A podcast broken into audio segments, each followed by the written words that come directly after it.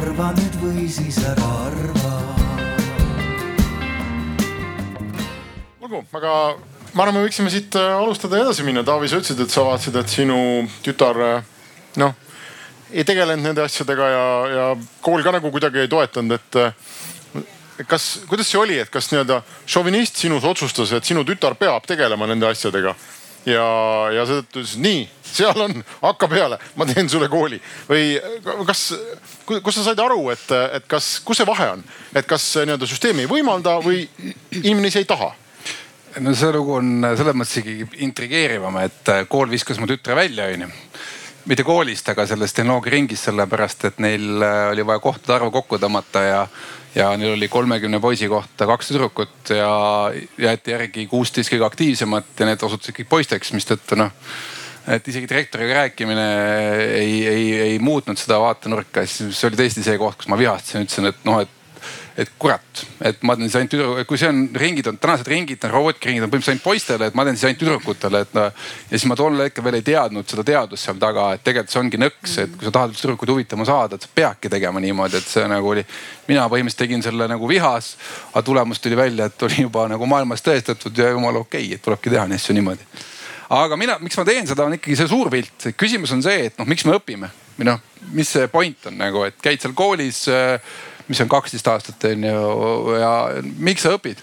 siis paned ülikooli sappa veel on ju, saad mingi eriala, et, et noh, kokkuvõttes me peame sellest elust ju nagu läbi kulgema kuidagi ja küsimus ongi, et noh, et mis see elu on, eks, et, et noh tuleb ju pere ehitada või, või ei tule, et tuleb tööl käia või ei tule, on ju, et, et noh, küsimus on, et mis need valikud on, noh enamik meist käib tööl, teenib raha selleks, et elada, enda, enda, enda peret üleval pidada, nii edasi. ja küsimus on, et mis valikud sulle üldse nagu antakse, et kui sa oled kooli läbi saanud, et noh, tundub, et neid erialasid on palju, aga iga eriala küljes on tegelikult ju price tag ehk siis hinnasilt, ehk siis küsimus, et a la, et kui palju üldse selle erialaga on võimalik näiteks elus teenida et noh, a la näiteks nagu õpetajaamet, minu mõlemad vanemad olid õpetajad, siiamaani on üks neist, üks on surnud kahjuks. et äh, ülimalt auväärne amet, aga kui sa võtad price tag'i ja vaatad nagu, et mida see price tag siis võimaldab, on ju, et kui sa arvutad nagu läbi, et, ma ei tea, sihukest aktiivset õpetaja eluaega on äkki viiskümmend aastat, on ju, võtad selle keskmise palga, mis nad saavad või natuke peale, on ju.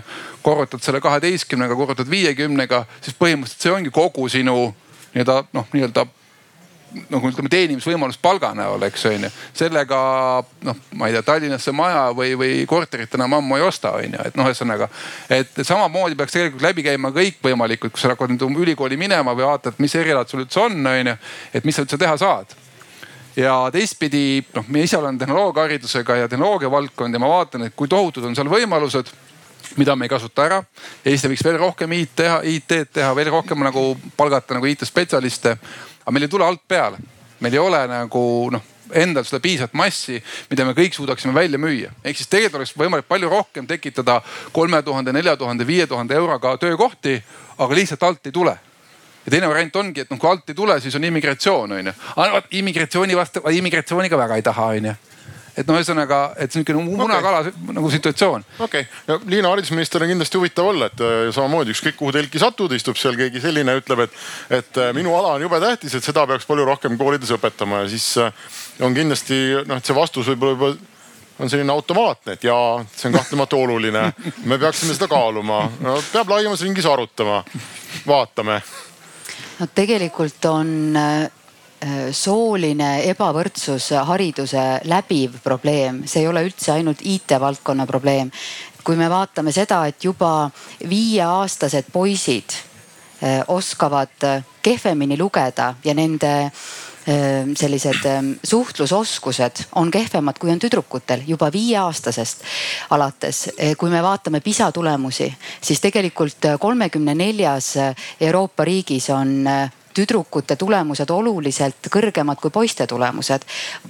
vaid matemaatikas on üldiselt olnud poisid tugevamad, aga ka matemaatikas on tulnud tüdrukud tegelikult järgi. et et see hariduslik lõhe haridusvaldkonnas on üldiselt tüdrukute kasuks, poiste kahjuks.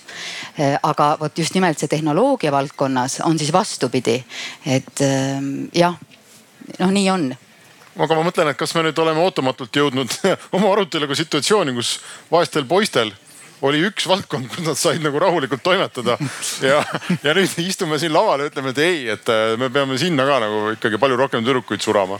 ja tegelikult on äh, probleem ka selles, et äh, poisid tunnevad ennast koolikeskkonnas halvemini. Neid kiusatakse rohkem ja nad ise on ka kiusaja rollis rohkem ja poisid ka langevad haridussüsteemist rohkem välja, poole rohkem välja kui tüdrukud. et ähm, ja, ja tegelikult uuringud ju ütlevad, et see kõik saab alguse äh, kodust, nii nagu sinagi ütlesid, ja hoiakutest. et see, kuidas me kasvatame tüdrukuid ja kuidas me kasvatame poisse. ja kui ma siia sõitsin, siis äh, ma sõitsin koos Maarjo Kadastikuga, kes on minu teadusnõunik ja ta on ka tegevteadlane, ka juhendab äh, noori teadlaseid, doktorante. ja ta rääkis mulle, et et noh, näiteks tal üks juhendatav naisterahvas teeb ka teadust reaalainetes ja et mida tema on näinud, et naised kogu aeg tunnevad, et nad ei ole piisavalt head. et see, me oleme kasvatanud tüdrukuid hoiakuga, et noh kuule, sa oled tüdruk, võta ennast nüüd kokku, sa pead olema kogu aeg nagu väga hea ja standard on tüdrukutele pandud kuidagi kõrgem. Ja isegi noh, doktorandid tunnevad, et noh, meile on need standardid kuidagi kõrgemad, et ma ikka ei ole piisavalt head, kuigi ma pingutan väga see muide on äh, hästi naljakas koht, kust tuleb see ebakindlus, et ka see on teaduslikult tõestatud. see tuleb sellest, et kui laps läheb matemaatika ülesannetega küsima abi vanemate käest siis ema ütleb, et mine isa juurde, et ma olin ka koolis kehv, et mul see mat-, mul selle mate peale väga seda kuradi sihuke annet ei olnud, aga noh, ütleme isal oli, et noh, ma olin rohkem nagu keelte inimene on ju, et noh no ja. käsi püsti, kellele tuttav tundub see lause nagu on ju, et no aga täpselt niimoodi ongi ja näiteks OECD uuring ütleb seda, et, et lapsevanemad, kui neil on näiteks pojal ja tütrel on võrdselt head tulemused reaalainetes, siis nad poegade puhul eh, ütlevad, et neil on ikkagi teaduses, tehnoloogias on suuremad šansid et see, see on kinni meie hoiakutes, aga ma ütlen, et see ei ole ajalooline, et tegelikult väga paljudes Euroopa riikides on täpselt samasugune probleem, aga mis tuleb välja? Eh, tuleb välja see, et nendes riikides, kus üldiselt on võrdõiguslikkusega parem olukord, nendes riikides saavad tüdrukud ka matemaatikas kõrgemaid tulemusi. Ma mõtlen, üks asi on matemaatikaga, ma arvan, me peaksime korra tulema nagu nii-öelda zoom ima nagu noh uuesti välja ja me võiksime vaadata, see kõlab natuke halvasti, aga noh, vaatame natukene auto, autokraatsemaid ühiskondi. noh, ütleme siis või kleptokraatsemaid nagu Hiina näiteks äh, äh, või Singapur, kes mõlemad on PISA testidest meist, meist eespool, eks, et äh, et alati on see küsimus, et jällegi, et miks me õpime, et kokkuvõttes me ju mõjutame mingit põlvkonda, mis hakkab tegusid tegema noh, kümne-kahekümne aasta pärast. ja küsimus on, mis see maailm kümne-kahekümne aasta pärast on ja mis on Eesti riigi konkurentsivõime kümne-kahekümne aasta pärast. no kui me mõtleme oma ajaloo peale, ajalooliselt me oleme olnud maru kõvad põlluharijad. noh, kõik on Kevadet lugenud, on ju, et Kiir, sina pole mingi mees, sina oled rätsep. et õige eestlane on põllumees no nüüd me oleme aru saanud, et okei okay,, põllumajandusse võib-olla kolm protsenti äh, majandusest nagu on, rohkem ei ole. ja ütleme nii, et Eestimaa noh, põlluharimise mitte ei hävitanud Mart Laar, vaid tõenäoliselt John Deere, kes tõi oma traktorid siia, millega sai väga suurt massi ilma töötajatega ära teha, eks. et küsimus ongi et nagu, et, et, et mis see ettevalmistus on ja kas need, milleks me oleme siiamaani nagu oma noh lapsi ette valmistanud, kas see on ka konkurentsivõimeline tulevikus ja minu väide on see, et, et, et see unistus, mis täna on IT ja startup valdkonnal, et äh, kuna see valdkond kasvab kolmkümmend protsenti aastas, kui te mõtlete selle peale, siis noh, see on juba nagu eksponentsiaalne kasvukõver on ju, see enam ei ole nagu siin lineaarne, eks, et, et, et see läheb nagu, nagu, nagu hokikepp ülesse. et siis äh, kasutame seda võimalust ära ja see nagu visioon või unistus, et, et kümne-viieteist aasta pärast see sektor on kolmkümmend protsenti kogu meie majandusest. see on võimas visioon, sest selles mõttes nagu ega see IT ja virtuaalmaailmad ja see tuleb järjest rohkem peale, see ei kao ära oota, aga ma saan aru, aga sa tahad öelda, et ilma tüdrukuteta seda teha ei saa? tööjõudu on lihtsalt vaja sinna rohkem ja nüüd meil on vaja tüdrukuid ka kaasata, sest et tööjõudu on vaja rohkem. see on hästi lihtne matemaatika äh, juurde, selleks, et see visioon täituks, on vaja umbes no vähemalt miinimum viiskümmend tuhat selle valdkonna inimest juurde, viiskümmend tuhat. okei okay juba sellele, mis praegu toimub nii-öelda nagu see tavaline nii-öelda no a la osad progejad surevad ära, onju. ja nii-öelda alt tuleb kogu aeg peale, ehk siis noh, see, mis praegu juba on, lisaks sellele on vaja veel viitekümmet tuhandet. nii, kui me toome iga aasta sisse immigratsiooniga, noh, oleme ambitsioonikad, kaks tuhat noh, mis on nagu noh, toote, toote kaks tuhat aastas sisse onju. tegelikult IT toob, IT toob vist natuke üle tuhande, mul on tunne aastas -hmm. sisse, aga ütleme, et kaks tuhat. siis kümne aastaga me saame kakskümmend tuhat, nii, kolmkümmend tuhat on puudu. Kust tuleb? ehk siis meil on visioon, meil on ühesõnaga, meil on, meil oleks võimalik maksta kolmandikule eestlastele tänase palgaga võrreldes kolm-neli Eesti keskmist. see võimalus on olemas, no ühesõnaga näete, siin on raha, tulge võtke. ainuke, mis on, oskused on oskad progeda, ei oska, oskad analüüsida, ei oska. no siis ei saa, aga muidu raha on siin, palun võtke et selles mõttes, et meil ongi vaja seda pööret selle jaoks, et ja just see nagu me, et, et noh, et, et naised valiksid seda eriala rohkem, sest täna meie sektoris on iga viies on naine. kui juba oleks iga kolmas naine, oleks see probleem lahendatud nii, kuidas me saame nüüd, et iga kolmas on naine?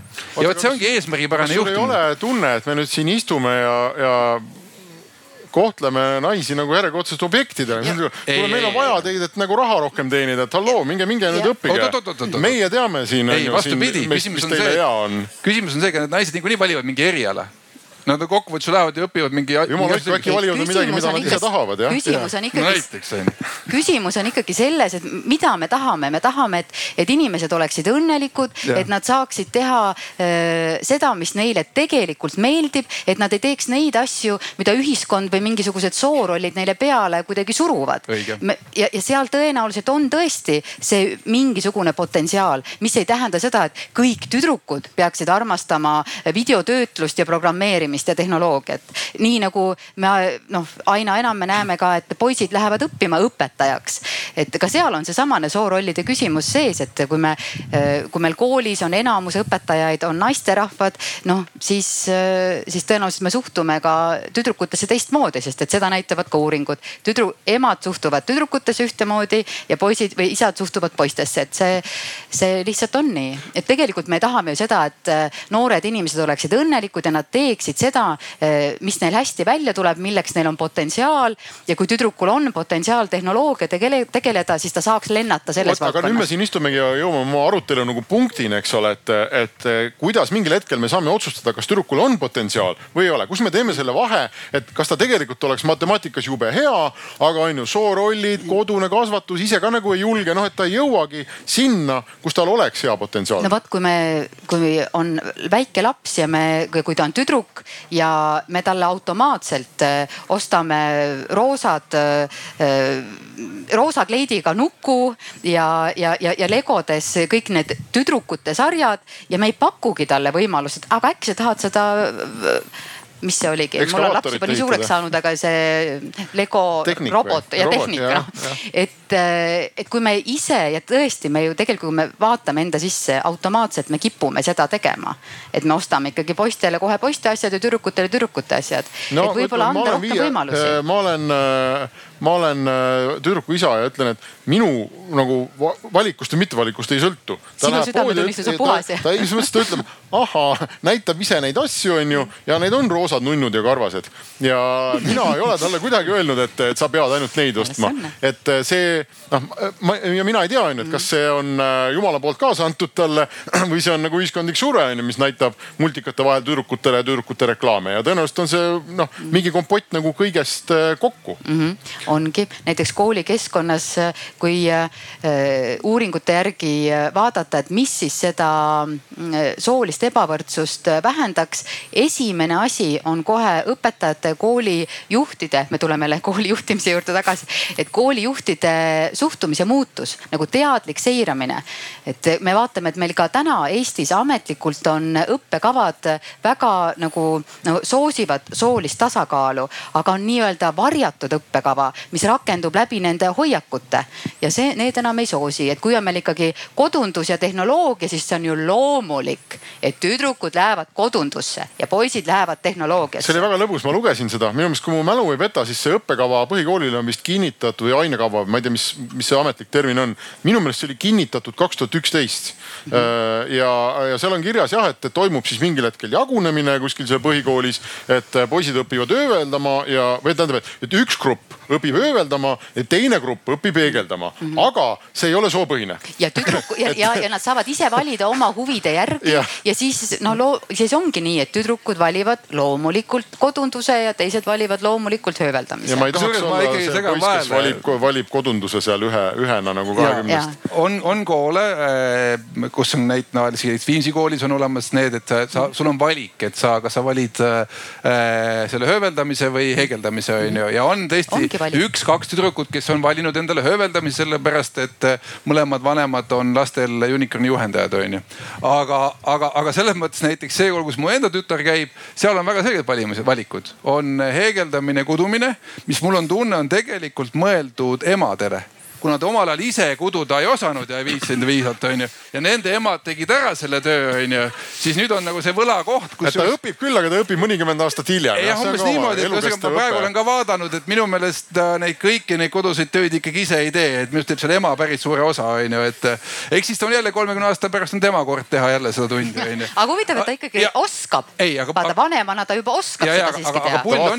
aga pull on nagu selles, et, et noh, valik oligi heegeldamine ja siis teine tsükkel on kokandus ja poistel on hööveldamine ja kokandus aga seda, et oleks tüdrukutel hööveldamine on ju, seda ei ole. ei, aga see ongi selles mõttes, et riik on öelnud, et me õpetame neid asju, aga ise teate, poisid-tüdrukud, kuidas te seal jagunete, onju, et me ei käsi teil minna ühte või teist. aga noh, seesama, me tuleme sealt, kust me tuleme, onju. me loomulikult teame kuidas, kuidas üheksakümmend viis protsenti see, see asi nagu äh, jaguneb aga ma siiski tahaks kaitsta ka heegeldamist ja kudumist. tegelikult on see motoorika jaoks arengu seisukohalt väga oluline oskus, et see arendab kindlasti äh, noori inimesi ja poisid osk-, võiksid osata samamoodi heegeldada ja kududa, see tuleks ka neile äh, kasuks. muide, heegeldamine ja kudumine mõlemad algoritmilised tegevused, ehk siis kui tahab progemist õppida, siis Täpselt. on äh, väga mõistlik, aga noh, ütleme niimoodi. ainult siis, kui saad progemist õppida selle läbi, siis see on mõistlik et äh, ei, selles mõttes ma, ma jällegi, ma ei ole selle vastu üldse ja, ja veel kord, et ega ma ei ole kunagi väitnud, et peaks nagu heegeldamine või kudumine nagu ära kaduma, onju, et, et. Äh,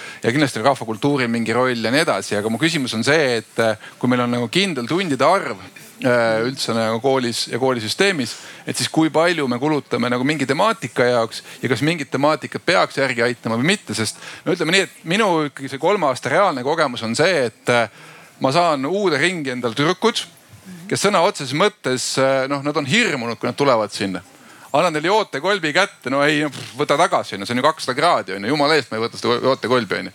esimesel sellel nii-öelda semestril või nagu poolaastal neil on vaja teha üks väga lihtne jootmisülesanne.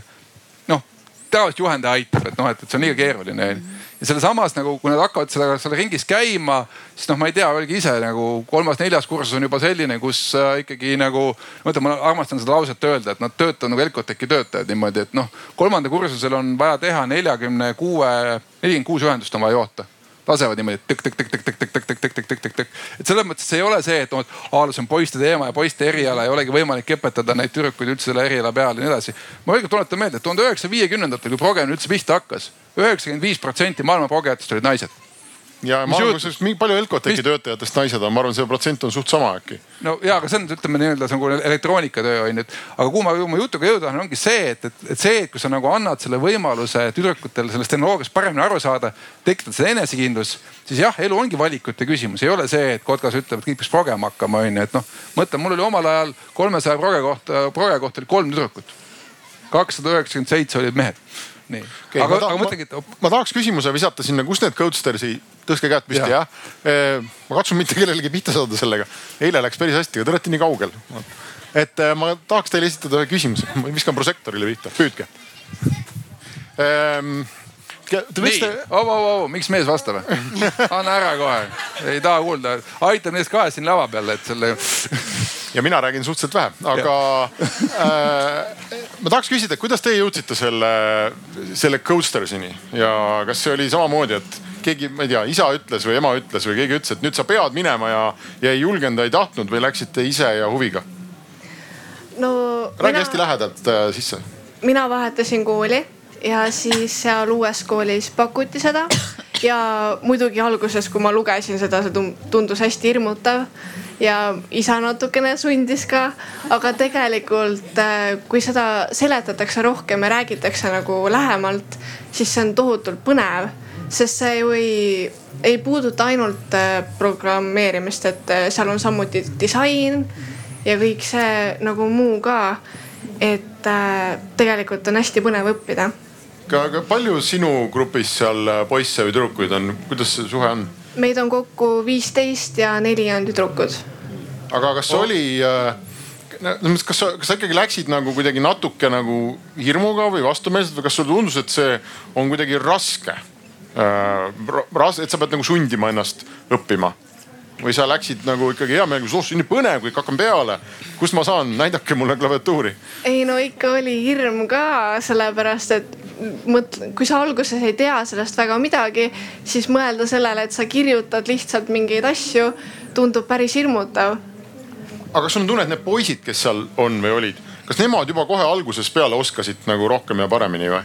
mitte kõik, aga mõned küll jah okay.. Nad olid kokku puutunud sellega juba okei okay., sul oli kommentaar? ja kui vaadata näiteks äh, Tartu Ülikooli mm, Arvuti Instituudi äh, pakutud kursusi, äh, mida nad pakuvad põhikooli ja gümnaasiumi õpilastele, siis näiteks just nimelt veebidisain, videotöötlus, animatsioon, seal oligi rohkem tüdrukuid, kes osalesid, mitte poisse.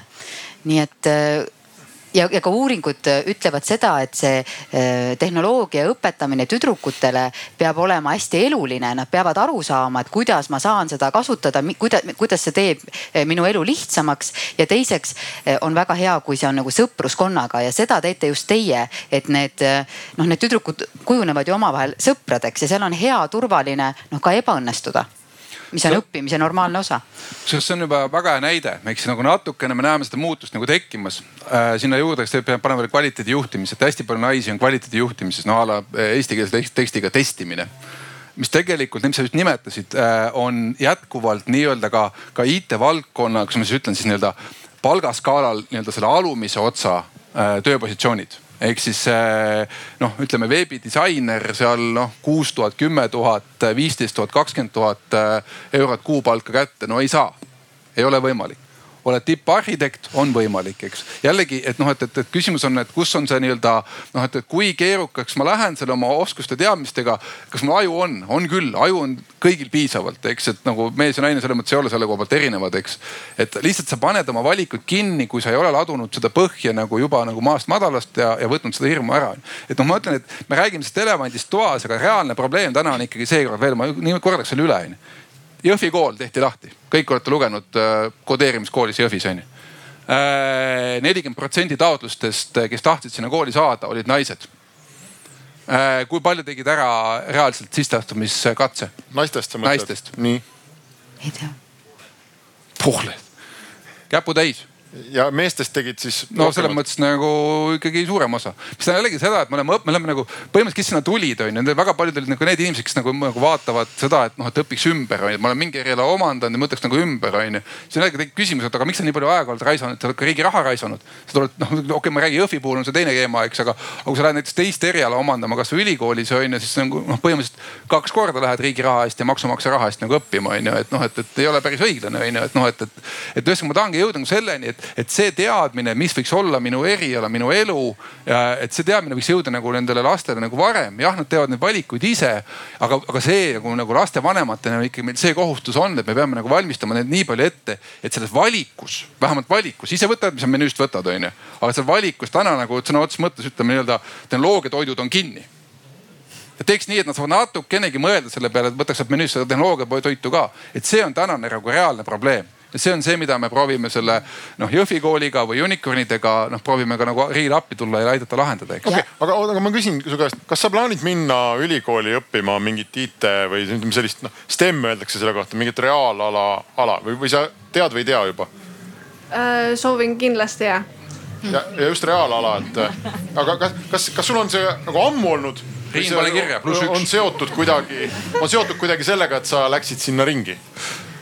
Ja sealt ma kõik saingi selle huvi ja kindlasti jah, see, ma olen esimene aasta seal ja see kindlasti mõjutab mu valikut jah. kas ma tohin ka küsida? aga mis toimus üldhariduses? kuidas, kas sa üldhariduses kuidagi puutusid tehnoloogiaga kokku? või? natukene mingi arvutitund ja mingi tahvlid ja natukene, aga mitte palju ma võin rääkida, mis toimub üldhariduses, ma täna spetsiifiliselt uurisin seda, et ma oleks äh, kord ka elus ette valmistunud, kui ma midagi teen. Ja, ja on niimoodi, et, et äh, Eestis on äh, koolis kohustuslik, on seesama hööveldamine ja, ja heegeldamine nii-öelda, ehk siis see selline tehnoloogiaõpe vist või mingi selline asi on. Ja see on mhm. kohustuslik. on teatud hulk tunde, mida sa pead nädalas läbima. Mhm. ja nüüd koolidel on valikainena on siis on ju informaatika, aga see informaatika, seal ei ole silpigi programmeerimisest. see on ikkagi, äh, mis seal oli, et õpilane oskab ühendada turvaliselt äh, hiire, printeri ja arvuti. ja, ja oskab internetist alla laadida faile ja neid edasi saada, no mingid. eks seda on ka vaja õppida. jah, just, et see on see alg, eks ole, nii-öelda arvutiõpe ja ma ei ütle, et seda ei ole vaja õppida, et see, see ongi okei okay. mm. -hmm. aga et see, et täna tegelikult koolisüsteemis me kohustuslikus korras õpetame sedasama heegeldamist, ööveldamist mm. -hmm. valikainena õpetame printeri ja arvuti ühendamist ja Wordi dokumendi tegemist, on ju aga sealt edasi ongi null, no et mitte midagi ei olegi.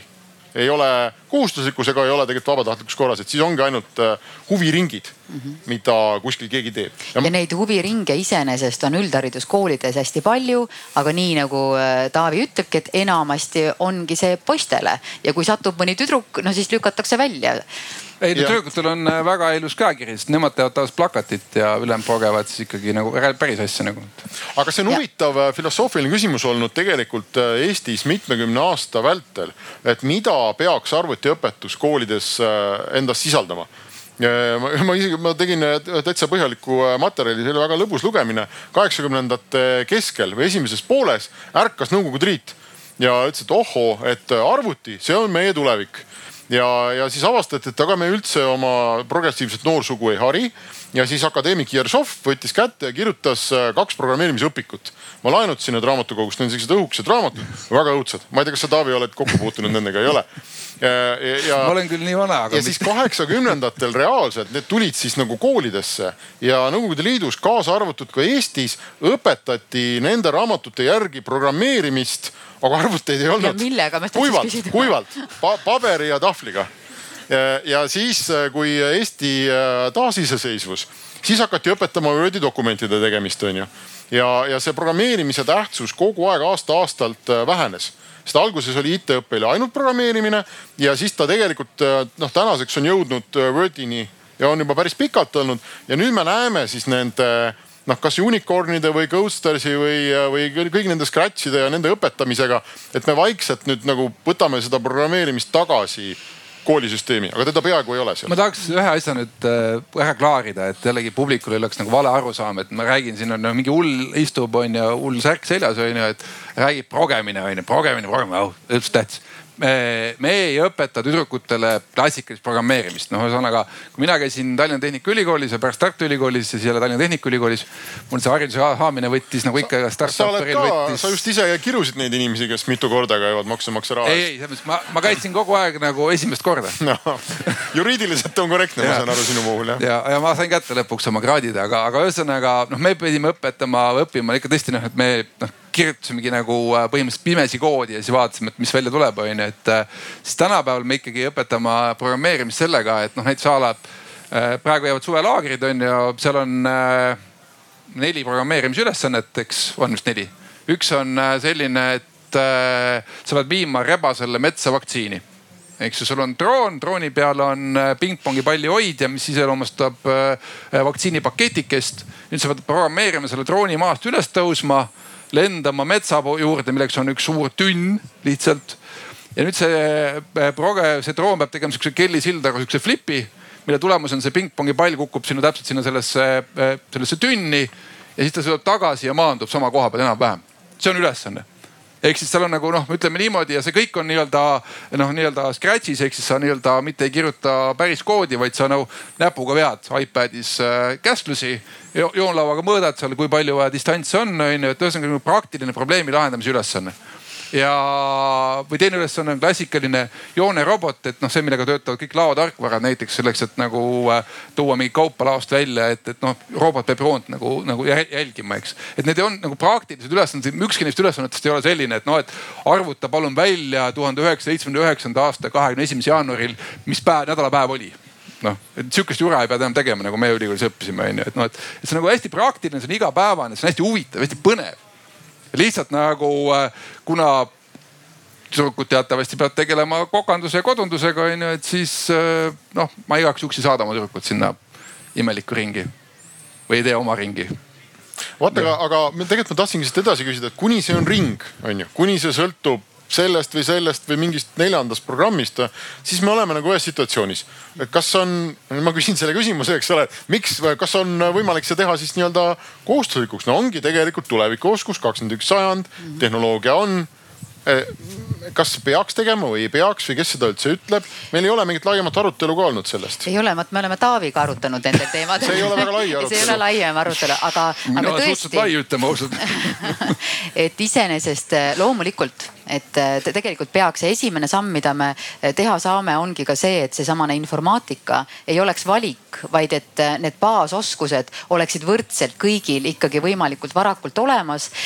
Mis annaks ka tõenäoliselt selle enesekindluse liikuda järgmistele sammudele, et kõik ju algab ikkagi sellest baasist ja siis on küsimus selles, et, et kas me õpetame koos või eraldi ja tõesti nii olemasolevad teadusuuringud, aga meil siin kõrval ka kohe praktiline kogemus näitab näitab seda, et seda tehnoloogiat võiks äh, õpetada äh, erinevalt, nii nagu tegelikult kehalise kasvatuse tunnid on ju tihtipeale poisid ja tüdrukud erinevalt. et, ähm, et miks mitte, kui, kui me teame, et see, see toimib, siis me võiksime seda kasutada ja me oleme Taaviga ka rääkinud sellest, et, et sedasama tüdrukute tehnoloogia ähm, no ma ütleksin isegi nagu formaati kasutada laiemalt üldhariduses, et eh, pakkuda kõigile tüdrukutele, kes on üldhariduses, sedasama formaati. Äh, mitte ainult tüdrukutele, vaid ka poistele. jah, aga lihtsalt selle... eraldi. ühesõnaga, et äh, mõte on see, et nad õpivad sama asja, aga no täpselt nagu EKA tunnis poisid lähevad siia, tüdrukud lähevad sinna, onju. aga sisu on sama mm. -hmm. seal on muidugi väike nüanss, et äh, ma tegin ühe poisteringi ka, ma nägin isegi mõnda lapsevanemat, kes annetas oma lapse äh, meile testi, eks, et noh, selleks, oleks võrdlusbaas, et noh, mis teadust sa teed, kui sul võrdlusbaasi ei ole, eks, et äh, ja noh, ütleme nii, et nad tulid kõik tehnoloogia perekondadest, et see võib-olla ei olnud päris aus vaade, eks, aga, aga sisu on ikka selline, et samas vanuses poiss on äh, no vähemalt poolteist, kaks aastat ees. ehk siis äh, tal on äh, noh, ma ei pea talle seletama enam nii basic ult mingit asja, et oma see probleemi lahendamise oskus ja kiirus on oluliselt kiirem. ehk siis ta võib selles samas tunnis võib tal alguses hakata igav aga ütleme niimoodi, et need tüdrukud tulevad ikkagi meeletu kiirusega järgi ja kokkuvõttes, kui ma teen nagu päris võistlust, et davai, et noh, siin on näiteks kerarobotid äh,. siin on staadioniring, palun progege need kerarobotid võimalikult kiiresti läbima seda staadioniringi, siis äh, üldjuhul tüdrukud võidavad ma kes teist Rakett kuuskümmend üheksat vaatab, on mõni fänn, et äh, sellel hooajal oli äh,, äh, oli üks ülesanne, kus tuli ehitada isesõitev Viidu Legost äh, isesõitev auto, kes läbiks võimalikult kiiresti, vist oli kas viite meetrit või. ja ainult tüdruk jõudis oma lahendusega lõpuni et ühesõnaga ülejäänud ei saanud hakkamagi üldse, poisid ei saanud hakkama. ehk siis nad on nagu, nad arvavad, nad ruttu oskavad, nad tormavad lahendama, aga tegelikult kui on vaja nagu päris keskenduda ja ära teha, siis, siis tüdruk võidab, eks, et. et seda me oleme nagu näinud, aga see alguspunkt on maru erinev, et, et just seesama, et me oleme vanematena olnud kehvad. me oleme teinud kunagi need otsused ära, et noh, et oh vaata kui tore, paneb legod kokku siin on ju ka, no me praegu vaatame seal ma ei saa tütrele silmagi vaadata praegu siin no,. vennal on niimoodi, et ei saa uksest sisse, et toa uksest, et tuba on legosid täis, onju. ja noh, tüdrukule andsime väiksema toa lihtsalt aga mina suunasin oma lapse väiksena kohe kokanduse kursustele. mõistlik. ja, ja talle väga meeldis. kas sul on poiss või äh, tüdruk? Minul, poiss okay,. üldse ma ütlengi, et poisi suunasin kokanduskursustele mm, -hmm. et äh, saaks iseseisvalt hakkama ikkagi võileiba tehta ja makaroone muna teha praadida, ja muna praadida. kas ma saaks selle mikrofoni siia tagasi, ma tahaks äh, unicorn'i tüdrukute käest ka paar küsimust küsida. teeme, teeme telefonimängu või ah,, teeme viskemängu jah? Pla. nii, ma annan, ma ei tea, annan ka praegu sinu kätte, saad lähemal. ma ei tea, kumb tahab, kumb teist tahab vastata, aga räägi, kuidas sa jõudsid äh, sinna unicorn'i asja, kursusele, üritusele? mu ema ütles. pane lähemale natuke suule. et mu ema ütles mulle, et selline asi on olemas Paides. ahah, ja kas ta ütles, et sa pead minema homme kell kümme? ei, ta ütles, et kui ma tahan, et siis ma võiksin minna. ja sa tahtsid minna? jah. miks sa tahtsid minna sinna? kuna see tundus hästi huvitav. Aga kas sa oleksid läinud sinna siis ka, kui seal oleksid poisid olnud? kas see oli argument sinu jaoks, et seal on ainult tüdrukud?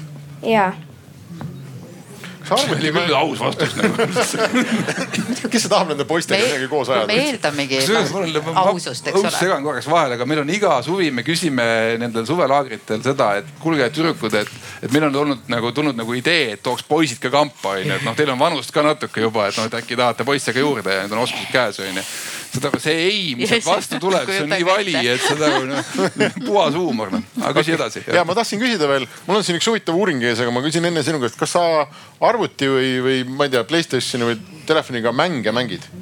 jaa. mis, mis lemmikmängud on? Minecraft. Minecraft? jah. ja veel midagi, kus tuleb tulistada ja mm,? mitte väga. mitte väga, aga kas su sõbrannad äh, ka mängivad äh, või, või sa oled pigem nagu selline erandlik? ei, mul mängivad sõbrad ka. mõtlen just tüdrukutest sõbrad? okei okay ma lugesin äh,, rakendusliku antropoloogia keskus oli teinud päris põhjaliku uuringu sellest. mitte lihtsalt nii-öelda linnukese uuring, vaid läinud ja rääkinud, et äh, ja jälginud kõrvalt, et noh, et mis värk siis on. ja, siis nende uuringust selgus, et, äh, et see lahknemine äh, tüdrukute poiste vahel hakkab tegelikult väga vara see tegelikult hakkab juba lasteaias ja kuskil vanuses seitse kuni kümme ehk siis äh, algklassides läheb see põhimõtteliselt pff, niimoodi hästi kiiresti. ja, ja, ja poisid on huvitatud ise, tahavad, trügivad, nõuavad endale, teevad seal igasuguseid asju ja, ja arendavad siis, eks ole, vaikselt oma oskusi ka. ja, mis on just huvitav, on see, et, et äh, poistele meeldib äh, nii-öelda ehitada, leiutada ja mängida ja see mängimine käis nagu tegelikult ka mitmest uuringust läbi, mida ma lugesin. ja et tüdrukud, mis siin on sealt uuringust tsitaat, tüdrukud eelistavad arvutis joonistada otsida asju internetist ja vaadata e-koolist asju. ehk et ma loodan, et see on muutumas on ju, meil siin on unicorn, kes ütleb, et temale meeldib Minecrafti mängida. aga vaata, nagu ma enne ütlesin, need Tartu Ülikooli Arvutiinstituudi kursused, et seal see disain ja veebitöötlus ja animatsioon olid tüdrukute seas populaarsed. aga näiteks arvutimängude loomisel oli ainult kakskümmend neli protsenti tüdrukuid mm. -hmm. ja kui vaadata ka tegelikult need teaduskooli äh, programmeerimise kursuseid, no siis on noh, keskmiselt selline kakskümmend pluss protsenti on nendel kursustel tüdrukud, et ikkagi vähe, aga kui sa annad nagu spetsiifilisemalt, et no näed et no näiteks seesamane videotöötlus või animatsioon, siis nad tulevad hea meelega arvuti taha. siin on kirjas, et uuringus osalenud noored naised ei pööra oma intervjuudes arvutimängudele samasugust tähelepanu nagu noormehed. vaatama, vaatamata arvuti olemasolule kodus, domineerivad nende tagasivaadetes osalemine trennides, muusikakoolides ja näiteringides. üksikutel kordadel mainitakse Simsi mängimist ja noh, ma arvan, et see on ka üks selline koht, kus ongi see poiss istub ees, noh omab selle arvuti ära, eks ole, ja teistele ei jäägi ruumi.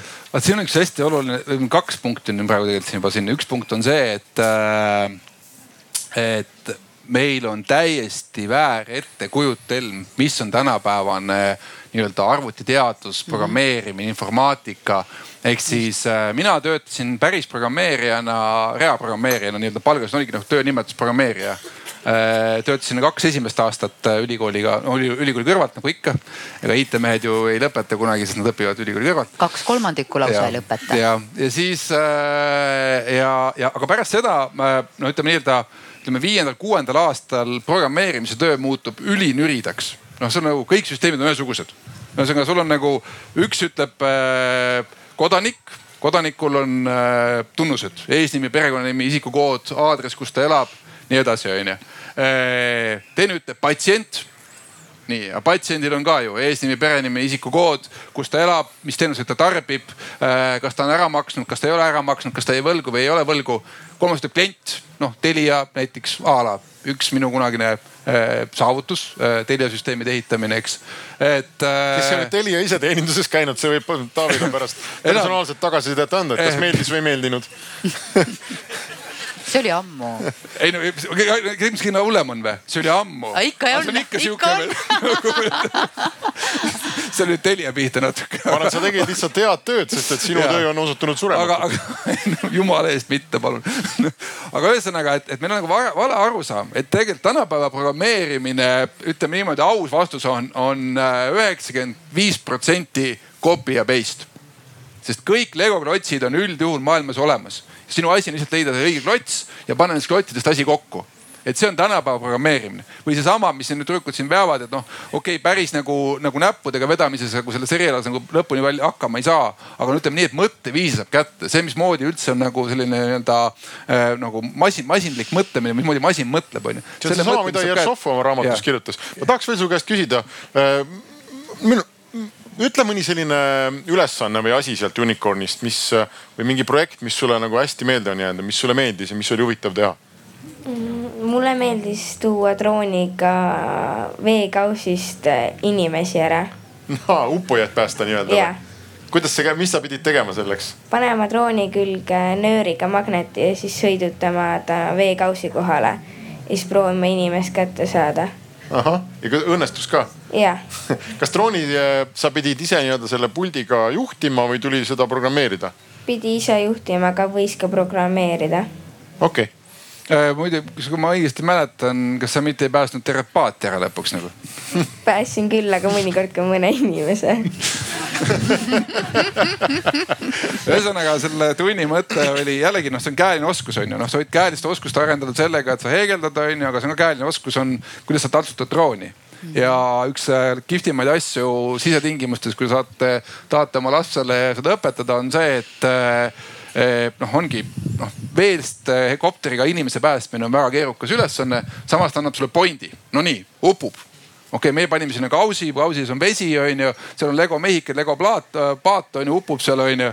et noh, mine too nüüd ära, et see ei ole nagu, nagu tuim, et noh, et jälle mingi nagu lahenda mingi progemise ülesanded nagu ma ei tea, koolis lahendatakse matemaatika ülesanded, see on ikkagi reaalne noh, praktiline käsitlemine et selles mõttes nagu niimoodi sa saadki nad huvitama onju, nad tahavad seda teha. aga mul siin üks asi oli veel, eh, mis on uuringust välja tuli, et tüdrukud enne valivad, mis sul oli seal balletiring ja. no midagi sellist, näitlemine, tantsimine ja joonistamine jah. see on meie Unicorni üks eesmärk, mida me tahame saavutada, aga mida me ei ole veel saavutanud, isegi ütleme kaugel oleme sellest. me tahaksime olla see, et vaata iga sügisel, kui toimub see nii-öelda perekondlik koosolek, kus siis ema võtab kalendri ette ja nii et mis ringid me siis paneme see aasta, et noh, et, et okei okay,, kas sa selles võrkpallis jätkad või ei jätka, onju, või, või umbes, et kas muusikakoolis jätkad või ei jätka, onju.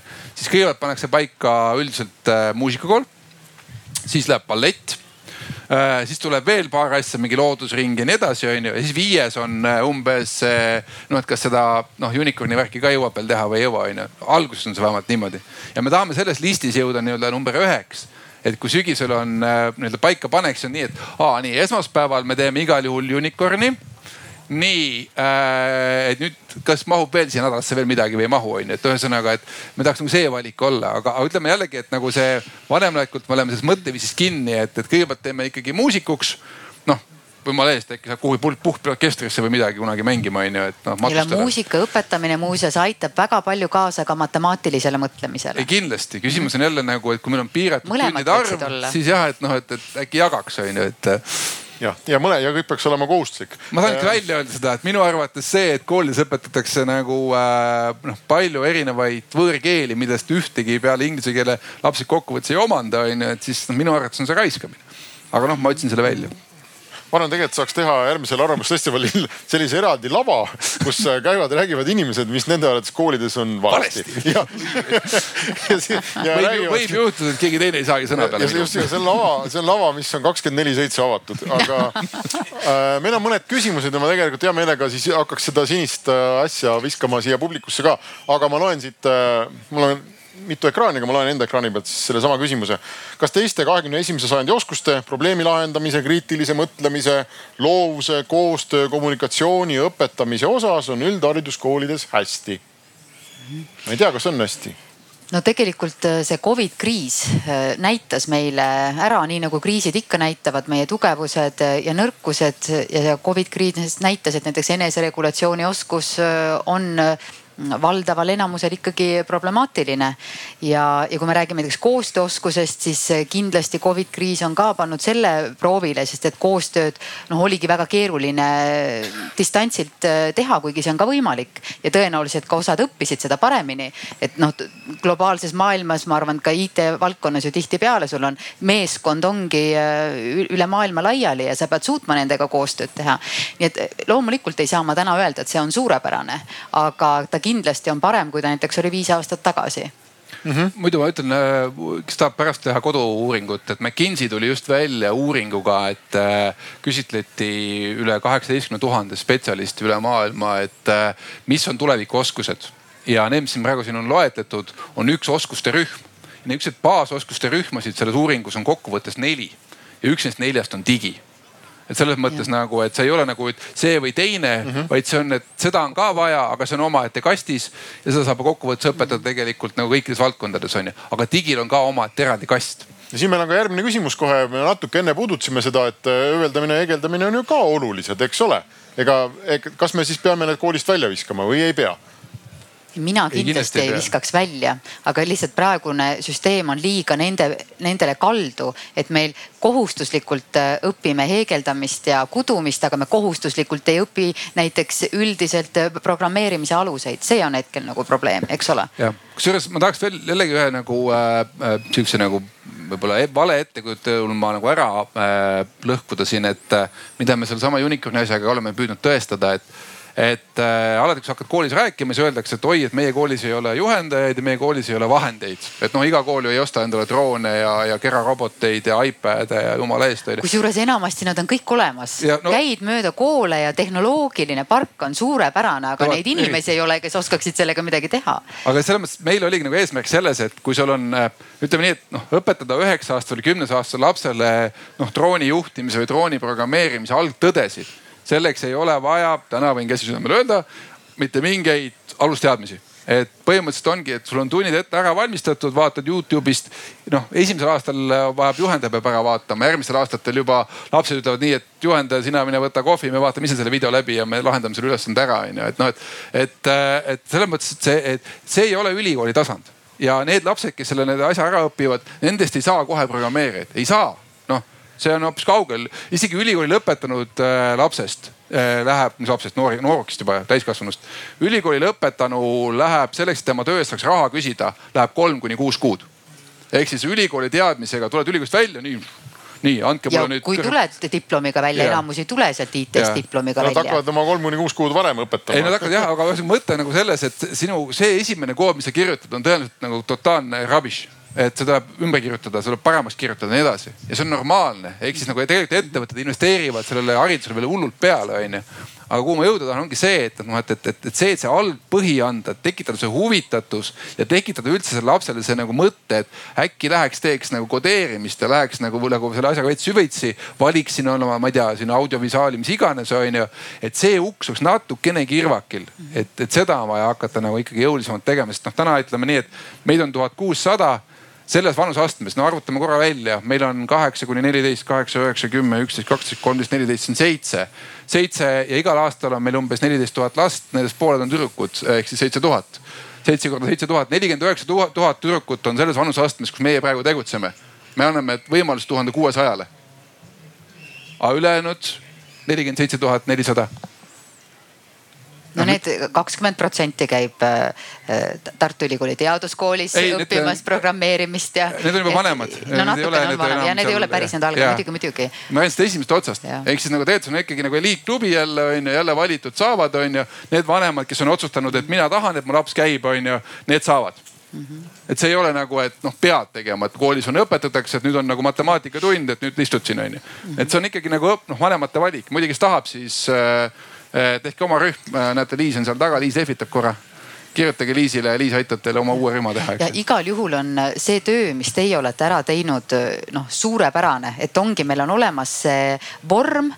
nii palju, kui mina olen õpetajatega rääkinud, kes on selle juhendamise kursuse läbi teinud, nad kõik ütlevadki, et see ongi väga lihtne omandada ja ka praegu meil on ju suurel hulgal neid Äh, rakett kuuekümne üheksa ja Ahhaaga koostöös need õpihuvilaagrid. samamoodi kõik õpetajad, kes on käinud nendel koolitustel, nad on vaimustuses sellest. Nad saavad sellest aru ja ka õpetajatel, ma arvan, on sama asi, mis nendel tüdrukutel, nad arvavad, et nad ei saa hakkama. et see kõik on nii keeruline, et nad ei saa hakkama, aga tegelikult äh, te olete teinud need süsteemid nii lihtsaks, arusaadavaks, huvitavaks, et kõik, nii tüdrukud kui ka õpetajad saavad aru, et ma tegelikult saan hakkama ja seda potentsiaali peaks kindlasti üldhariduses laiendama laiemalt ära kasutama. ma arvan, et meesterahvad on varjanud seda aastaid.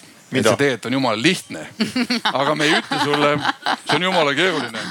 saad aru, selle kuradi karburaatori rihma vahetamine, sa ei kujuta ette, kui keeruline see on. Lähme võtame õlut olgu, eh, me oleme nüüd tund aega siin eh, rääkinud. Eh, ma hea meelega vaataks publikus ringi, kas on kellelegi võimalik visata sinist mikrofoni, kes tahab kommenteerida, küsida, vaielda, nõustuda või mis iganes ja seal taga on ai on, näed, minu kogu ees ees on kõigepealt jah ja., nii. et kuna mina neid eh, unicorn'e Paide omasid siin juhendan, et ma mõtlesin, ma ütlen seda juhendaja vaate ka, et noh, mul on null tehnoloogia tausta, et eh, tegutsen kultuurivaldkonnas. ja lihtsalt see, et eh, meie oleme ka me,, meis on ka potentsiaali, et, et lihtsalt see, et, et me saame neid kursusi juhendada, see on sütitanud minus huvi selle asja vastu. veel teistes juhendajates, et tegelikult ma ei tea võib-olla võib siit ka veel midagi edasi aretada nagu nende juhendajatega, et noh, et kuidagi sinna valdkonda rahvast veel juurde vot mm. -hmm. nii, saadame edasi. oh meesterahvas jälle küsib enne sa ütlesid, et nad kõik on naised, nad nüüd on ikka no, mehed ka. see on legendaarne investor ikkagi valge keskealine meesterahvas küsib. ühesõnaga, ma tahtsin klaarida ära selle Jõhvi kooli numbrid oh., et eh, jah, eh, nelikümmend protsenti olid tüdrukud ja eile olid nüüd teise batch'i eksamid. Karin on ka seal kuskil. Ühesõnaga, me oleme kuskil kahekümne nelja protsendi juures tüdrukutega. et eh, need numbrid on tegelikult õudselt huvitavad, mis sealt välja tulevad pärast. et, et see, see väärib mingisugust eraldi artiklit. aga, aga kui me saame selle kuskil kakskümmend neli protsenti tüdrukud, siis see on tegelikult super äge aga kindlasti on see tänu, et, et meil sellel koolil on kaks juhti, naisterahvad. Ja, ja see kool kujuneb nende nägu. et eh, teine asi veel siin natukene statistikat, et, eh, et meil oli sellest kolme tuhande kolmesajast oli siis üks protsent oli PhD-dega siis kakskümmend seitse protsenti olid baka lõpetanud kuusteist protsenti olid magistrid ja ülejäänud olid siis noh altpoolt. et ma võib-olla kommenteeriks ka natukene seda, seda digipädevust ja kõike seda poolt.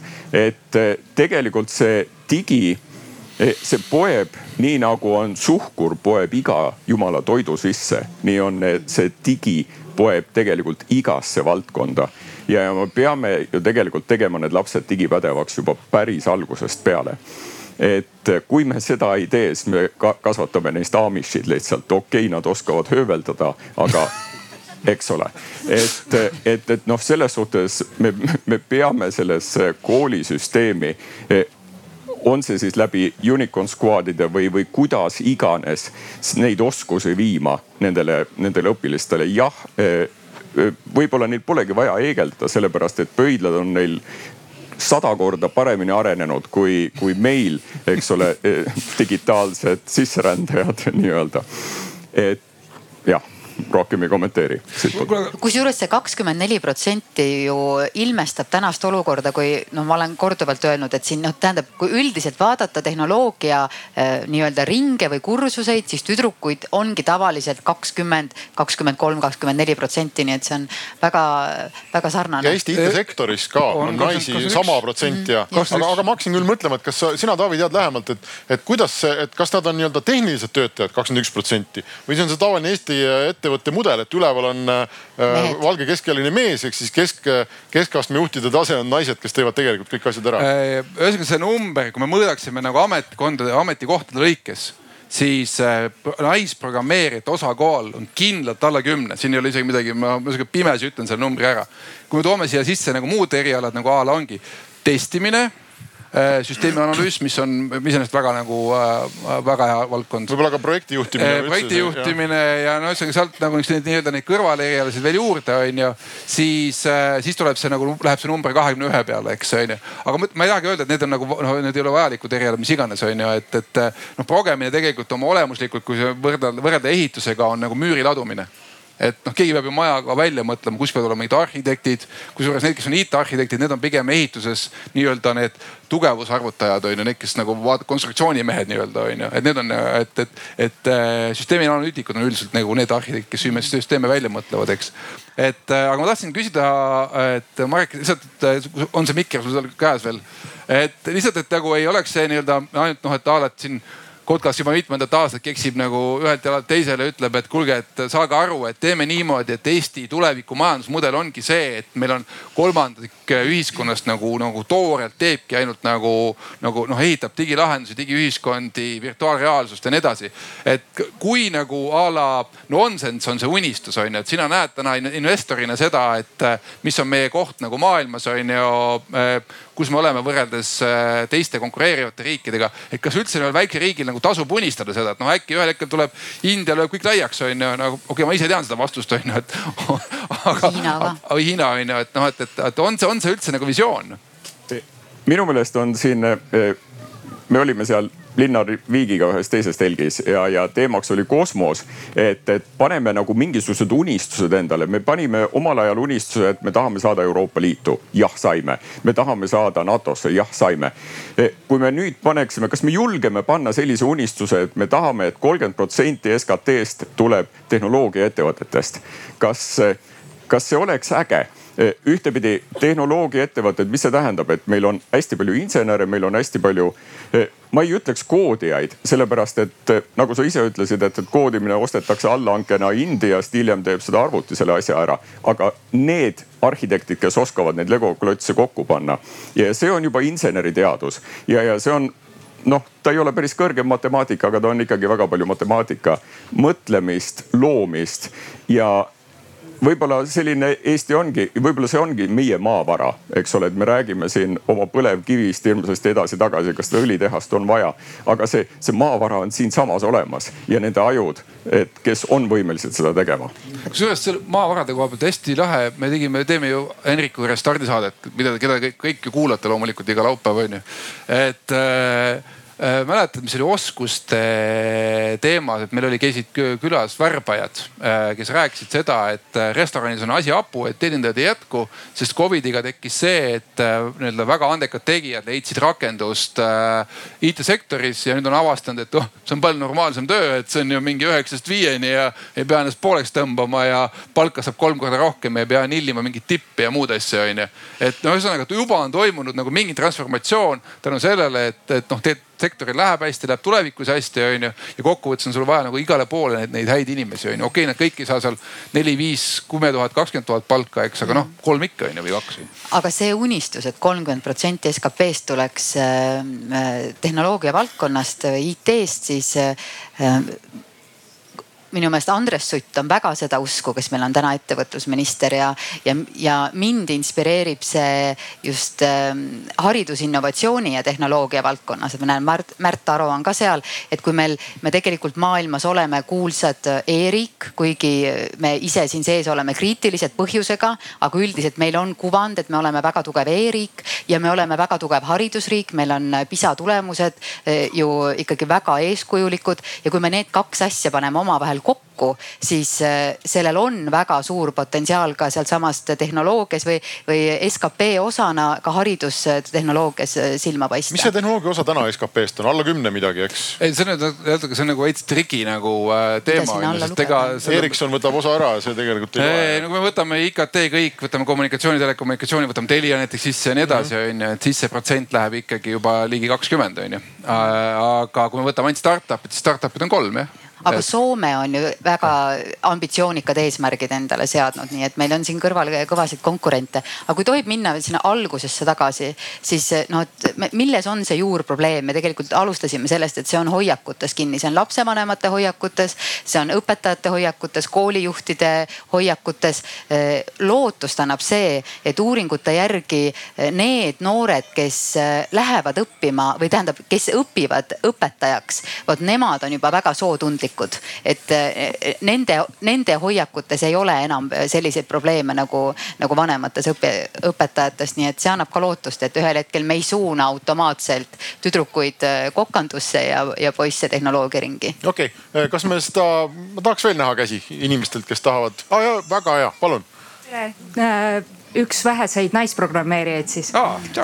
jõudsin umbes kolm aastat tagasi Vali IT kaudu ah, ja jah. ennem keemiadoktor taustaks et. sa ei ole, sa on sohk, sa olid ikkagi reaalalalt oled jah, ja reaalkoolist ka kunagi. no näed äh, aga kusjuures äh, reaalkoolis oleks mul olnud võimalik võtta juba informaatikat äh, valikainena aga sel hetkel jäeti sellest mulje, nagu see oleks raketiteadus.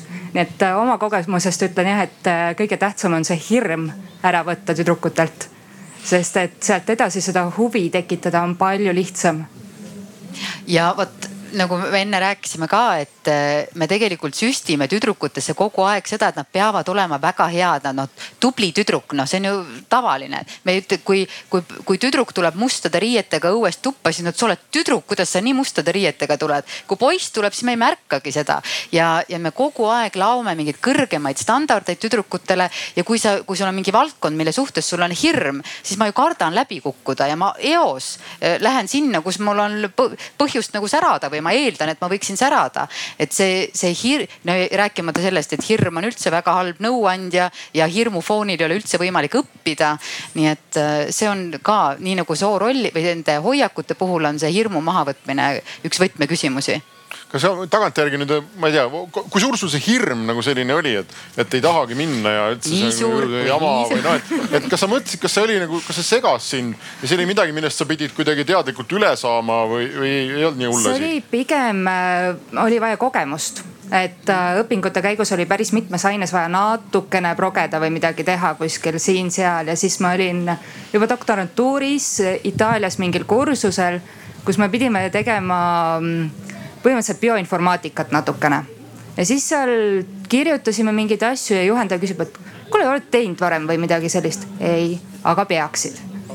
ja see, see oli, see oli see hetk, kus pandi nagu väike tuluke põlema onju, et äkki see on siis see, mida ma peaks tegema.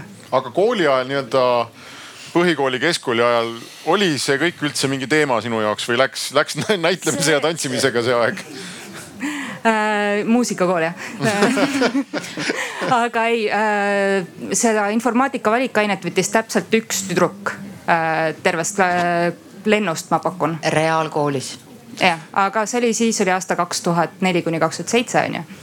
Äh, et vahepeal on aeg edasi läinud Mm -hmm. no mõtle, minu ikkagi informaatik lööb siin sisse selle koha pealt, et äh, või ütleme noh, probleemi lahendamise äh, vajadus, et meil kõigil on elus kindel arv tunde igas vanuses elame me igal aastal kindla arvu tunde ja küsimus on, et kuhu me selle energia paneme. Ja ikkagi see ja teine asi, millega sa ikkagi mingit oskust endale saavutad või arendad, on see, et, et nii-öelda korduste arv. et kui sa ikkagi mängid klaverit iga päev kaks tundi ja niimoodi kuus-seitse aastat, noh sinust saab tegelikult ikka päris andekas pianist. Küsimus on see, et, et noh, mis on selle noh nii-öelda selle, selle andekuse peale selle, et ta on programmeerinud, selle oskuse, saavutasid, et mis on tema nii-öelda erialane väljund noh, kõikidest meist ei saa nagu Indrek laulasid, et sa oled nagu noh, doktor klaverimängus on ju, et, et, et noh, see on ikka üksikute välja valitud teema ja see ongi see, et, et, et noh, et, et, et mida mina paneksin vanematele nagu südamele, et, et jah, nad peavad sportima, jah, nad peavad muusikat õppima. no minu lapsed ka kõik mängivad klaverit ja nii edasi, onju. et no okei okay,, no harjutas vähemalt nagu sina mängid, onju, et ei pea seal üks harjutab ja teine ja, mängib. teine mängib, onju. no aga, aga ühesõnaga, et kokkuvõttes on see, et sinna peab mahtuma ka seda, millest lõpuks saab tema eriala. ehk siis on, te olete lugenud seda teooriat, et kümme tuhat tundi teen kindlat liigutust, et siis tekib lihasmälus ja nii edasi. see ei kehti kahjuks. no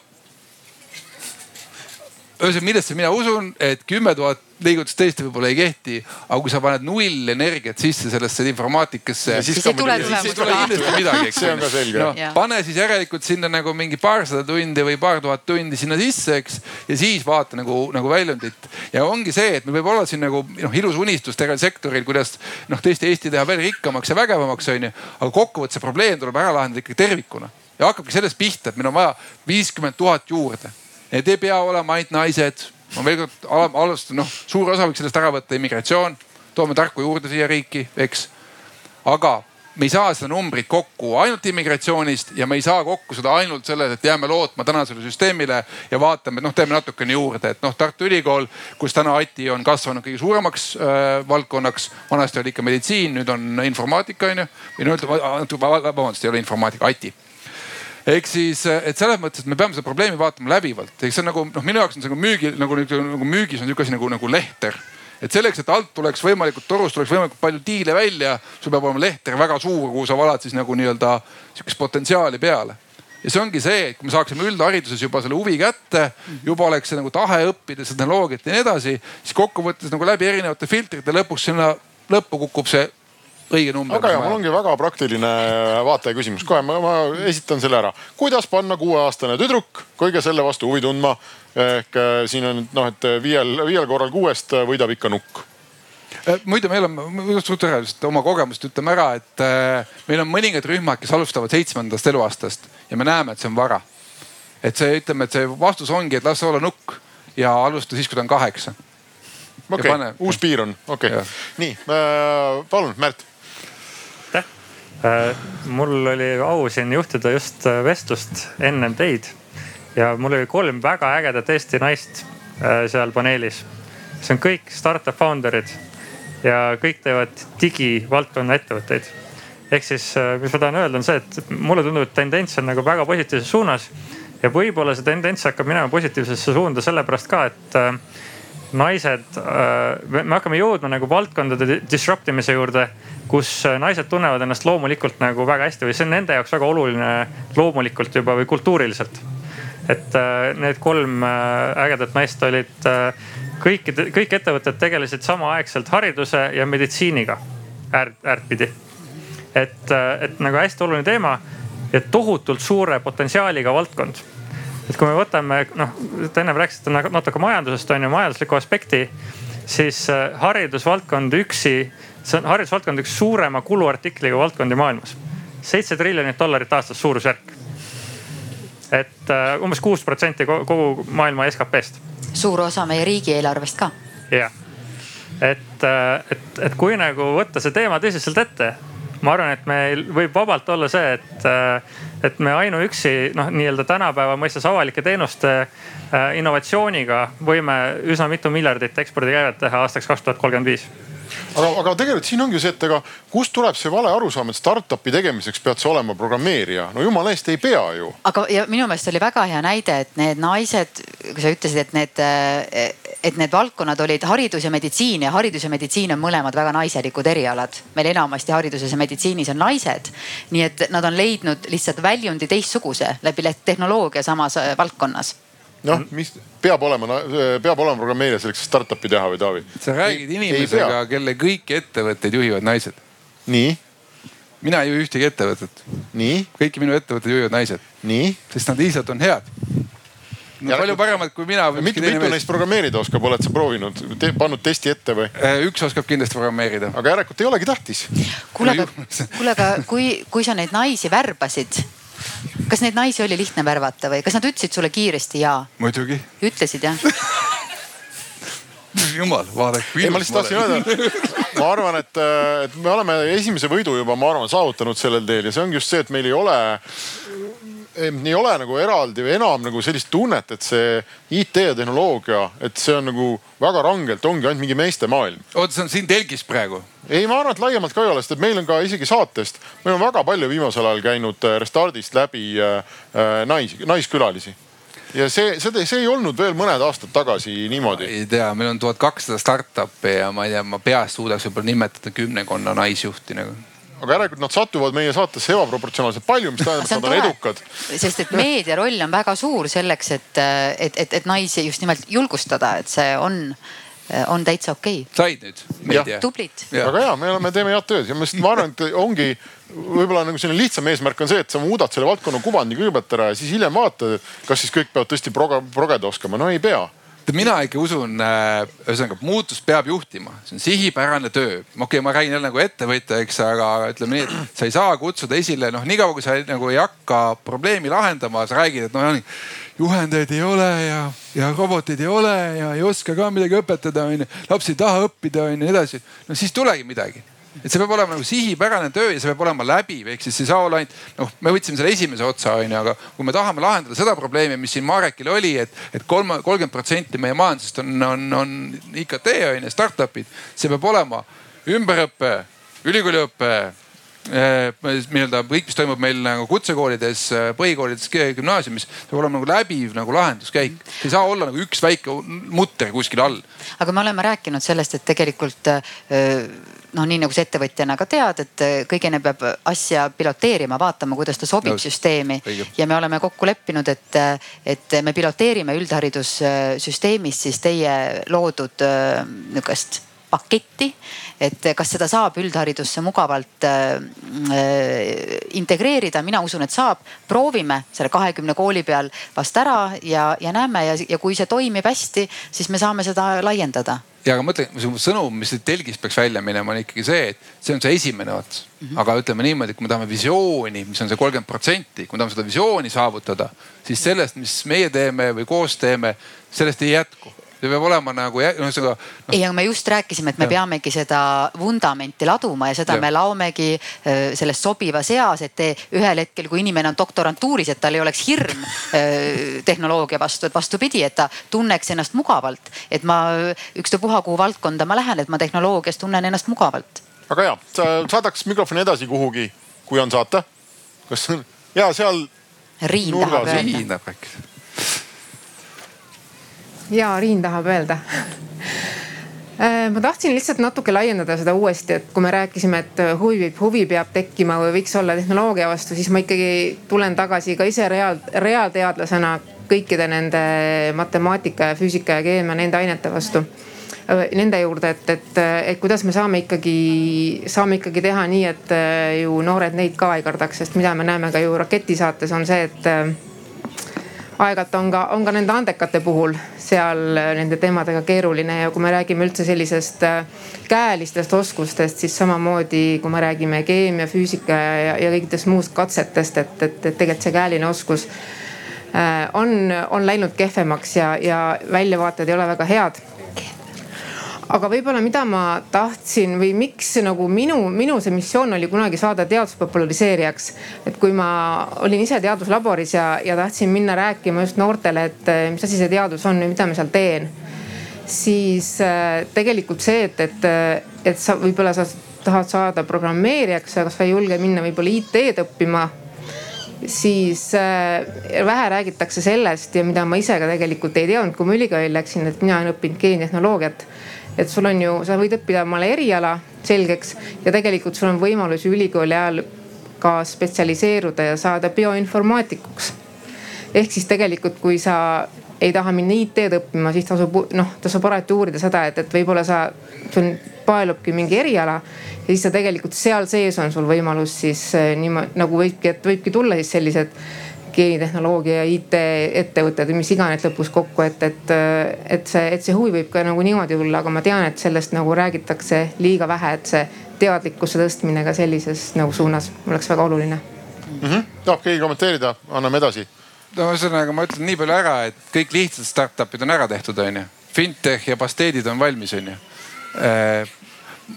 pasteedid on need, kus on võetud mingi protsess, noh näiteks e-poe protsess ja siis on äh, lihvitud ära äh, ideaalseks äh, näiteks arve vastuvõtmise või arve genereerimise teenus mida pakutakse siis tuhandetele, miljonitele teistele onju, nii-öelda pasteedid onju. aga näiteks sellised asjad nagu meil praegu on Tartus, ma tean, on uus startup, mis tegeleb äh, radioloogidel, aitab lugeda X-ray pilte äh, masina nii-öelda ai aitab seal, machine learning ja kõik muud popid sõnad on ju.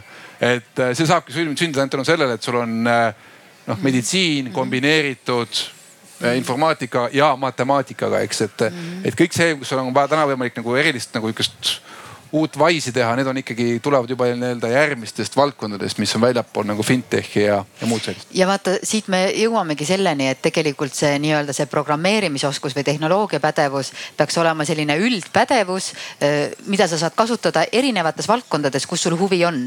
kas see on noh, ükstapuha, mis siis haridus Keerad, või meditsiin. keerad natuke aineid kokku, onju.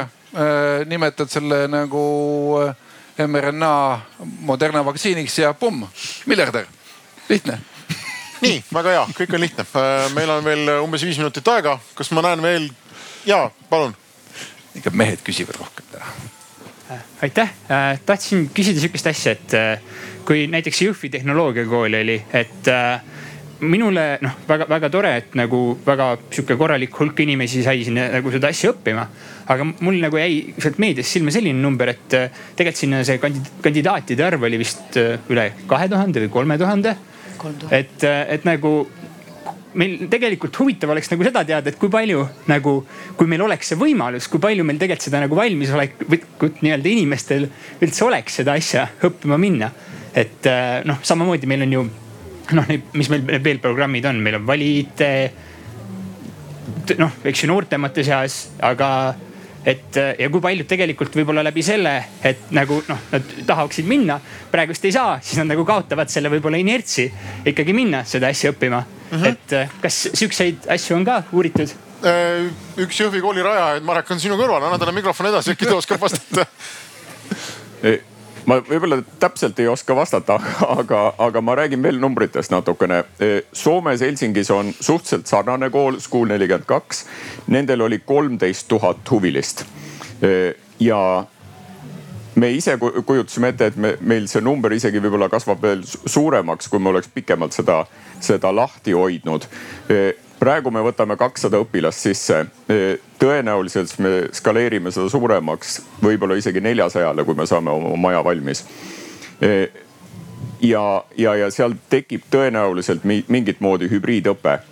esimesed kolm kuud kindlasti kõik koos ühes majas, siis tekivad tiimid kuni selleni välja, et praegu võib-olla ma räägin siin Karini eest ka, et see kakssada, kes välja valitakse, nad, nad teevad ise oma häkatoni, kuidas oma koolitööd siis kaks aastat kõige paremini, kõige efektiivsemalt seda ise teha.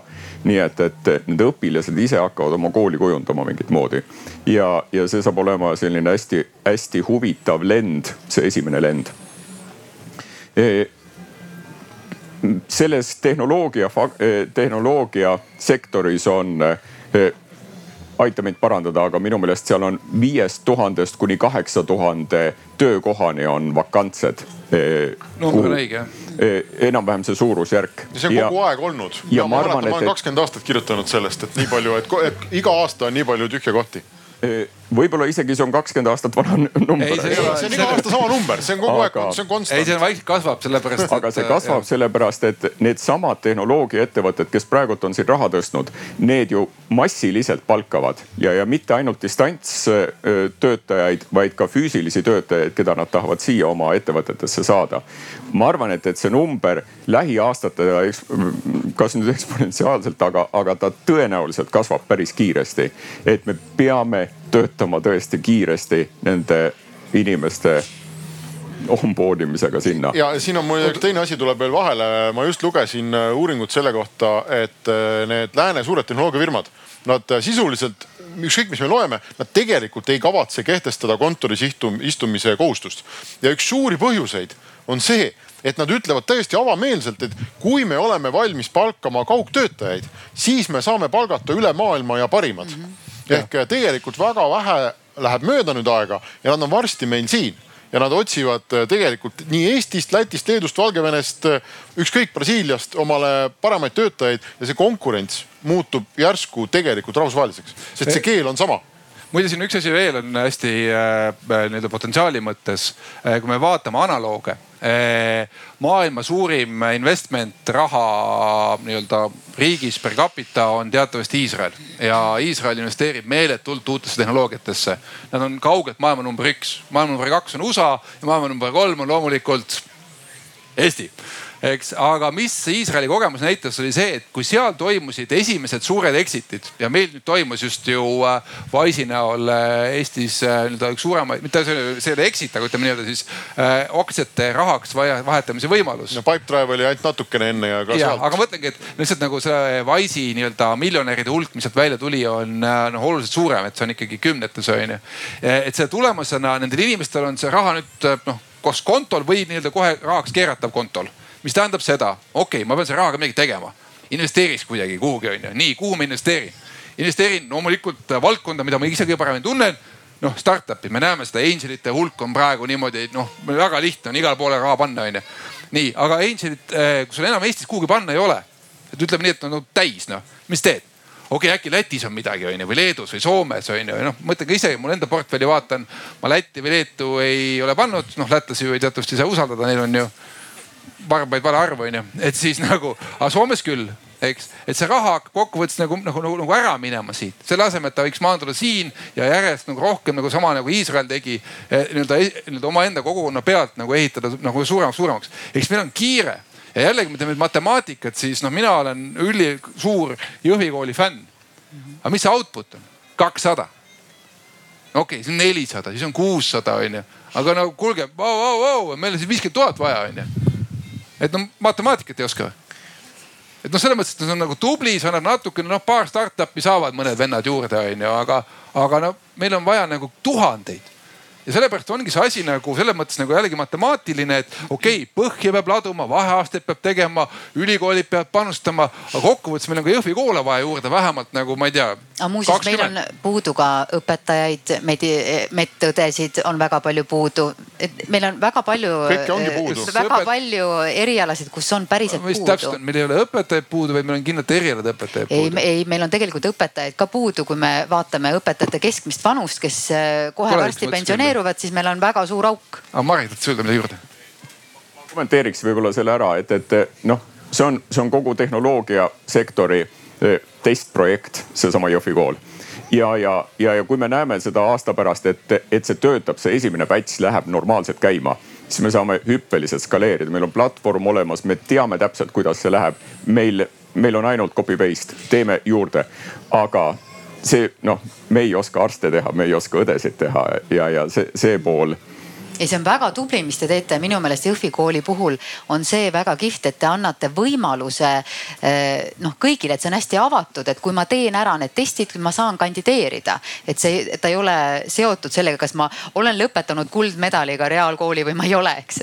et see sõltub sellest, kui palju ma ise olen siis püüdnud selle valdkonnaga ennast arendada olgu, ähm, ma vahepeal vaatasin siin oma selja taha ja mul tekkis väike lootus, et kohe hakkab õudselt vihma sadama ja siis me ei saa ära minna siit ja meil on kuidagi põhjus edasi rääkida. aga nüüd ma ikkagi näen, et kahjuks paistab väljas päike ja kell on üheksateist kolmkümmend, mis tähendab, et meie aeg siin on läbi ja. oota äkki teeks mingi kokkuvõtva mingi lause? me ei saa teha, meil läheb veel tund aega aega. me oleme seda asja ei ole võimalik kokku võtta. ei no ühesõnaga meil, ma tuletan lihtsalt meelde, et meil on mingi teema on ju, heegeldamiskursus tüdrukutele, millal tuleme välja kahekümnendast sajandist on ju, nüüd me räägime siin juba noh. ei, me selles me leppisime kokku, heegeldamine on okei okay. ja me, me ei pea sellest nagu otseselt välja tulema. mõlemat peab olema. mõlemat peab olema. aga lihtsalt nagu see, et loeks korra veel nagu vanematel sõnad peale, et noh, et see, kas teie tüdrukus või üldse lapses on tehnoloogia huvi, see on teie süü. eks kui me otsisime süüdlast alguses kuule äkki on ikkagi Lego ka süüdi, kas te olete näinud mõnda tüdrukutele suunatud eh, tehnoloogia Legot? Nad on ikkagi eh, on nüüd või? viisteist aastat tagasi ei olnud, kui mina meil on siin nagu täielikud Lego fännid, aga, aga Lego Technics ei ole üldse midagi ägedat. et palju ägedam on V2, Mindstorm, need on no. palju ägedamad. ja need kõlbavad mõlemale ja ütleme niimoodi, et see, et selles mõttes noh, need äh, see, et sa panid Star Warsi ei loomulikult ma ei taha üldse okay. vaielda, loomulikult me jah, et need hoiakud on, on loomulikult ja. probleem lapsevanemate no,. ikkagi seas. arvan, et äh, olles just tudeerinud siin põhjalikumalt tiigrihüppe ajalugu ja tegelikult seda järelmit, mis sellest tuli, mis pikalt oli varjatud, et noh, et mis me siis saime sellest, on ju. see mingi selline arusaam on, et noh, et Eesti koolid said arvutid. tegelikult see ei ole üldse nii. üks suuremaid asju, mida me Tiigrihüppest saime, oli äh, terve uus põlvkond õpetajaid, kes ei kartnud arvutit ja, ja, ja arvuti äh, ronis vaikselt, aga järjekindlalt tegelikult koolitundide normaalseks osaks. siin on palju inimesi, kes mäletavad seda, et arvuti külastamine oli sündmus nagu koolis käimise ajal onju. selleks valmistuti võib-olla nädalaid ette ja, ja siis noh oli imelik. no,. No. meie aga, oleme sellest põlvkonnast vist kõik. just ja, ja see tiigrihüpe tegelikult, mis ta tegi, ta tegi meile õpetajad, kes ei kartnud arvutit ja andis need vahendid ja neil olid oma laagrid ja klubid ja, ja, ja tegelikult äh, võimaldas seda asja skaleerida. see on sama, mida sa otsid, Taavi. et võib-olla siin on nagu selline tiigrihüpe kaks äh, koht kus me ütleme, et me kütamegi sisse lihtsalt ja, ja mitte eesmärgiga osta igale koolile Lego, vaid äh, tekitada tohutu suur hulk äh, inimesi, kes ei karda seda Lego, mis seal täna on juba olemas. kui aus olla, siis äh, kunagi meie ettevõte tegi esimese versiooni e-koolist ja see, see õpetajad... ka kehtib siiamaani, ma saan aru. ei, sellest on ikka palju uuem ja parem versioon ja edasi on ju, või kui head on, eks, aga, aga ütleme nii, et et õpetajate vastuvõtlikkus seda nii-öelda kasutama hakata, see oli ikkagi null miinusega pigem. ja see ikkagi mõjutas näiteks minu head sõpra, kes oli selle projekti projektijuht nii palju, et äh, pärast seda tõstis käed püsti, ütles, et okei okay,, mina rohkem IT-projekte ei tee, onju. ta oli küll ka majandustaustaga onju, see on normaalne onju. olgu, aga nüüd on meie aeg ikkagi päriselt ka läbi aitäh, aitäh., aitäh kõigile ja kohtume järgmisel aastal.